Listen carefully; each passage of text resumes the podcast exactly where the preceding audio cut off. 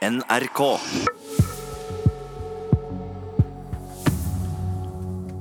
Klokken passerte akkurat kvart over åtte. Du hører på Nyhetsmorgen. Dette er hovedsakene våre i dag.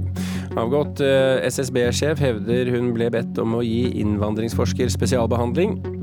Gebyrer spiser opp pensjonssparing, advarer Forbrukerrådet. Og dødstallene etter det store jordskjelvet mellom Iran og Irak eh, er nå oppe i 214. 1700 er meldt skadd. Og så skal det dreie seg om noe helt annet. Munch-museet de kan jo vise til veldig gode besøkstall de siste par årene, bl.a. ved en rekke samarbeidsprosjekter. Men Edvard Munch er nå i New York, Anne, og da er det vel utlån som den gjelder? Ja, absolutt. På onsdag så åpner forestillingen 'Mellom klokken og sengen', som er en utstilling som flere enn 200 000 mennesker allerede har besøkt i San Francisco i sommer og i høst. Og I neste uke så åpner Scandinavian House i New York en utstilling av film og foto signert nettopp Edvard Munch. Vi kommer tilbake til dette straks. Aller først nå til et fenomen som kan oppfattes som nokså støtende. Peppa Gris og andre figurer som er kjent for mange barn, lastes nemlig opp i groteske animasjonsvideoer på YouTube. Organisasjonen Barnevakten ber foreldre om å være på vakt.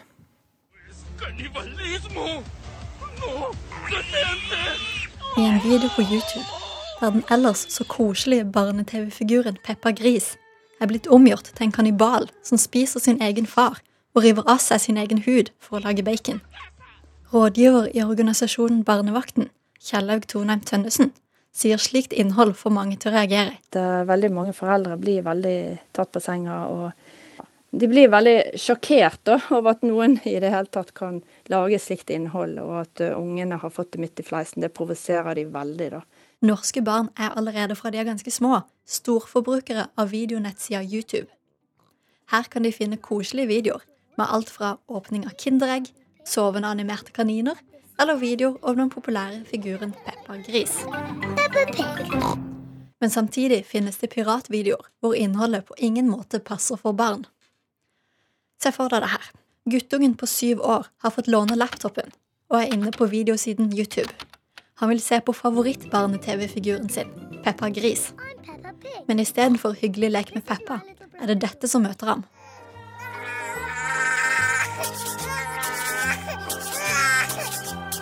En scene i en grotesk video der Peppa Gris blir torturert hos tannlegen.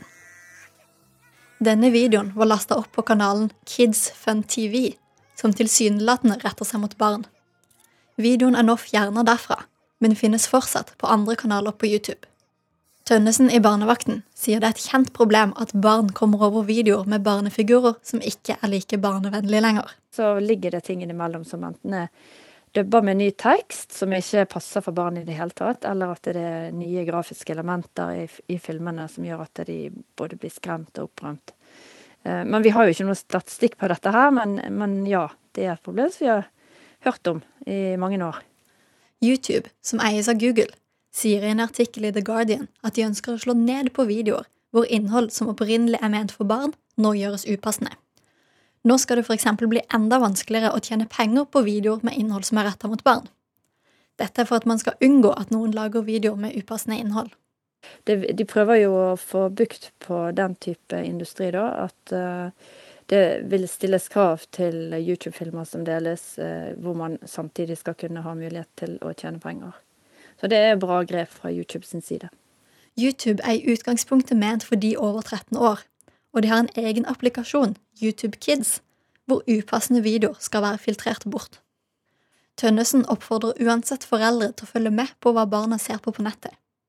Derfor å støtte av Barbro Hardersen, forfatter av boka Aplegøyer og appestreker. Selv små barn i barnehagealder, for å øke deres motstandsdyktighet, så kan man begynne å øve og tenke på å snakke om hva det som vi voksne kaller for kildekritikk er for noe. Og hvem det er som er avsender på innhold, og hvorfor de gjør det. Fordi til og med små barn skjønner dette. Reporter her, det var Kristine Sterud. Denne uken åpner en Edvard Munch-utstilling i New York. Utstillingen er et samarbeid mellom San Francisco Museum of Modern Art, The Metropolitan Museum of Art i New York og Munch-museet her hjemme.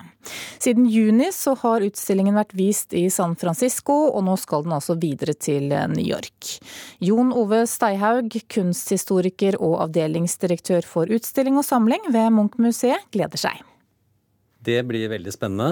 Uh, ikke minst fordi Metropolitan jo er et av de absolutt største og mest fantastiske museene i hele verden. De er jo et slags universalmuseum med alle typer kunst fra alle mulige tidsepoker. Så det å vise Munch på Metropolitan, det er, uh, det er en stor glede. Mm. Og hva slags utstilling er det dere viser da? Det er en utstilling som egentlig gir et veldig konsentrert blikk på Munch som maler. Vi viser rundt 40 malerier av de absolutt eh, beste Munch eh, laget. Det var også ønsket fra San Francisco-museet og Metropolitan at de ville ha en, en utstilling som, eh, som, hadde det konsentrerte fokuset på, på Munch som maler. Og Hovedbildet det er også det verket som heter 'Selvportrett mellom klokken og sengen'. Hva er grunnen til at dere har valgt ut det som hovedbilde?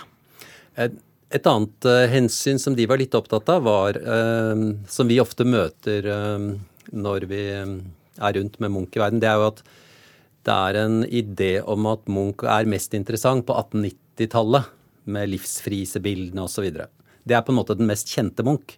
Så de ønsket å, å, snu litt på det perspektivet, og ved da å velge et veldig sent bilde, men også et veldig kjent og, og, og sentralt verk av Munch, så ønsket de på en måte å starte litt med den sene Munch, og se heller bakover eh, i karrieren hans eh, enn å starte først, og så dra det videre oppover. Mm. Hvilke andre bilder er det dere har valgt ut da, til å, som får være med i utstillingen? Altså Det er jo også tidligere verk fra 1890-årene som pubertet og Madonna osv. Så, videre. så det, det dekker hele kunstnerskapet til Munch. Men eh, tanken var å ikke snakke om at, uh, at dette er, det, de tidligverkene er liksom den viktigste Munch, og så har vi med noe senere, men heller å snu perspektivet litt og se på virkelig hvordan Munch uh, utvikler seg som maler helt opp til, uh, helt opp til han dør. Mm. og hvor Selvportrett mellom klokken og sengen er jo et utrolig, på mange måter radikalt maleri, da, som han maler når han er oppimot 80 år. Mm. Og utstillingen altså, har også blitt vist i San Francisco siden juni. Hvordan er den blitt mottatt der? Nei, Det har jo vært en uh, veldig flott suksess. Det har vært uh, 215 000 besøkende. Det var jo nærmere 50 år siden det hadde vært en litt større Munch-utstilling uh, i San Francisco. Så det, sånn sett var det lenge siden. Og så var det jo veldig flott å vise Munch i sammenheng med at Snøhetta nå har tegnet den utvidelsen av det museet. Så det er jo blitt et fantastisk uh, flott og veldig populært museum. Mm. Nå skal altså utstillingen videre til uh, New York. Hva betyr dette for Munch-museet? Er det sånn at dette genererer noe tilbake til dere både av bilder og publikum? Altså, vi er jo veldig opptatt av at vi også skal kunne låne ting tilbake mm. når vi låner Munch ut til et stort museum som Metropolitan. Så vi jobber jo veldig bevisst med å få virkelig fine ting tilbake. Og neste år så kommer utstillingen hjem? Ja. Det blir eh, neste sommer, så da, da skal vi vise den eh, på Munch-museet, som da den tredje stasjonen. Og da gjør vi det nok ganske annerledes i måten eh, vi organiserer utstillingen på. Fordi folk her, publikum her i Oslo kjenner jo Munch på en annen måte. Og har tilgang til Munchs kunst på en annen måte. Så det, det er jo også i seg selv en utfordring. da, å, gjøre det på en måte som uh, føles litt nytt og friskt for uh, de som har sett Munch eh, mye opp gjennom årene. Sa altså Jon Ove Steihaug ved Munch-museet da jeg snakket med ham før han satte seg på flyet til New York for å være med på åpningen av utstillingen denne uken. Og Steihaug sier altså at de beste bildene Munch laget er med i denne utstillingen, men likevel så er det noe kritikerne savner, Kristine Sterud. Ja, nesten alle omtalelsene av utstillinga sier at det er et savn at verket Skrik ikke er med, skriver Dagbladet. Annet San Francisco Magazine skriver denne høyprofilerte utstillingen har en gigantisk skrikende forsømmelse. Og Munch-museet selv sier at de ikke er bekymra over kritikken, og at det også er viktig for de å løfte fram andre verk av, kunstnere, av kunstneren Munch når de stiller ut i USA. Mm. Og så er også Munch nå aktuell flere steder i New York nå i november. Ja, Det arrangeres en Munch-konferanse og, og fotoutstilling på Scandinavian House. Og I tillegg så skal New Museum dele ut Edvard Munch Art Award til en internasjonal kunstner. Og den prisen er på 50, 500 000 kroner. Mm. Vi skal videre til norsk film. I går så var det førpremiere på filmen 'Ekspedisjon Knerten' i Oslo. Møt Roald Amundsen. Akkurat sånn skal jeg bli. Knerten polfarer. Eller Knerten reinfarer, da. Det er ingen som kan kontrollere været. Hørte litt av eh, traileren her, der Aksel Hennie har stemmen som Knerten. Og det er altså første gang han har denne rollen, Kristine Sterud. I de tre tidligere Knerten-filmene var det nemlig Åslaug Engmark som hadde stemmen til pinnefiguren Knerten. Men Engmark døde brått i februar i år, og derfor er det nå Aksel Hennie som spiller stemmen til Knerten i denne nye filmen. Og Hennie sier til Dagbladet at Engmark var en god venn av han, og han syns det er en fin ting å få lov til å være med på Knerten-eventyret. Han sier òg at den nye filmen er laget i Engmarks ånd. Vi kan jo ta med deg at Philip Mathias Eide spiller rollen som lillebror. Også Henriette Stenstrup og Renate Reinsve spiller i denne filmen. Flyktningene som drukner i Middelhavet er blant motivene i Vanessa Bairds nye prosjekt på Kunstnernes hus i Oslo. Mona Palle Bjerke, kunstkritiker her i NRK. Aller først må du fortelle hvem er Vanessa Baird?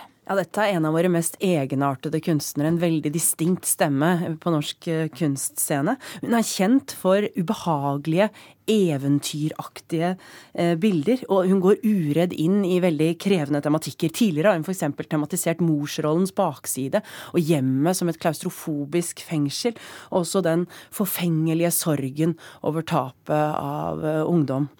Eh, men denne gangen så er det altså flyktningkrisen, som du sier, som det handler om. Mm. På hvilken måte da? Ja, altså, hele, hele, hele, dette verket da, det er liksom Hun har tapetsert veggene i den store overlyssalen i Kunstnernes hus med tegninger. Og hver millimeter er presist gjennomarbeidet. Så det er jo da eh, Helheten er utrolig vakker, men motivene er groteske. Og det er da kvinner som blir slikket i skrittet av dyr. Det er folk som bæsjer og spyr. Det er folk som onanerer. Det er selvmord, det er overgrep, det er dyp fortvilelse og ensomhet. Og midt i dette kaoset så ser vi rokokkomøbler som et bilde på, en, på en måte den borgerlige dannelseskulturen, da, et fortidens Europa. Og barna i dette universet de er overlatt eh, til seg selv når de voksne da er helt eh, på en måte oppslukt av sine egne drifter og sitt eget begjær eller sin fortvilelse. Eh, men flyktningene da, de kommer jo inn ved at hele bakgrunnsbildet, eller hele det som går igjen som en kontinuitet, det er bølger. Og bølgene de er så presist og vakkert tegnet at det ligner nesten på Japans tresnitt. Eh, og så er det noen ganger blir det til eh, eh rokokkornamenter, andre ganger blir det til tarmer. Og midt i dette frådende vannet så kjemper mennesker for livet. Og det er de fleste av disse menneskene de har afrikansk opprinnelse, og de er tegnet som sånne klassiske rasistiske stereotypier, nesten sånn dyriske karikaturer, sånn som Tintin-tegneren Hergé gjorde det i sitt utskjelte ungdomsverk 'Tintin i Kongo', med da sånne overdimensjonerte lepper og krusete hår. Og dette gjør hun jo litt for å vise oss at vi, når vi lager en sånn umenneskeliggjøring eller en fremmedgjøring, så kobler vi oss av. Og får ikke den identifikasjonen vi burde hatt, og dermed ikke det engasjementet vi også burde hatt i en, denne tragedien som utspiller seg i Middelhavet hver eneste dag. Mm. Men, så det er det, som, det er det, som, er budskapet hennes? Ja, det er jo det som er budskapet. Og hun viser oss jo på en måte her et, et, i dette mektige visuelle eposet et sterkt dystopisk bilde av på en måte et uh, Europa som er i ferd med å gå under fall, på fallende fot. Og det er jo ikke ofte at jeg tenker at jeg står foran et mesterverk, men det tenker jeg virkelig der jeg står i Kunstnernes hus, og dette ikke bare blir et høydepunkt i Vanessa Bairds karriere, men kanskje i denne epoken, for å si det da med ganske store ord. Jeg ser at du er engasjert. Ja. Eh, hvis du skulle konkludere, da? Så må jeg si at dette er noe som folk rett og slett bare må få med seg, for dette er noe vi kommer til å snakke om i kanskje generasjoner. Takk skal du ha, Mona Palle Bjerke, kunstkritiker her i NRK.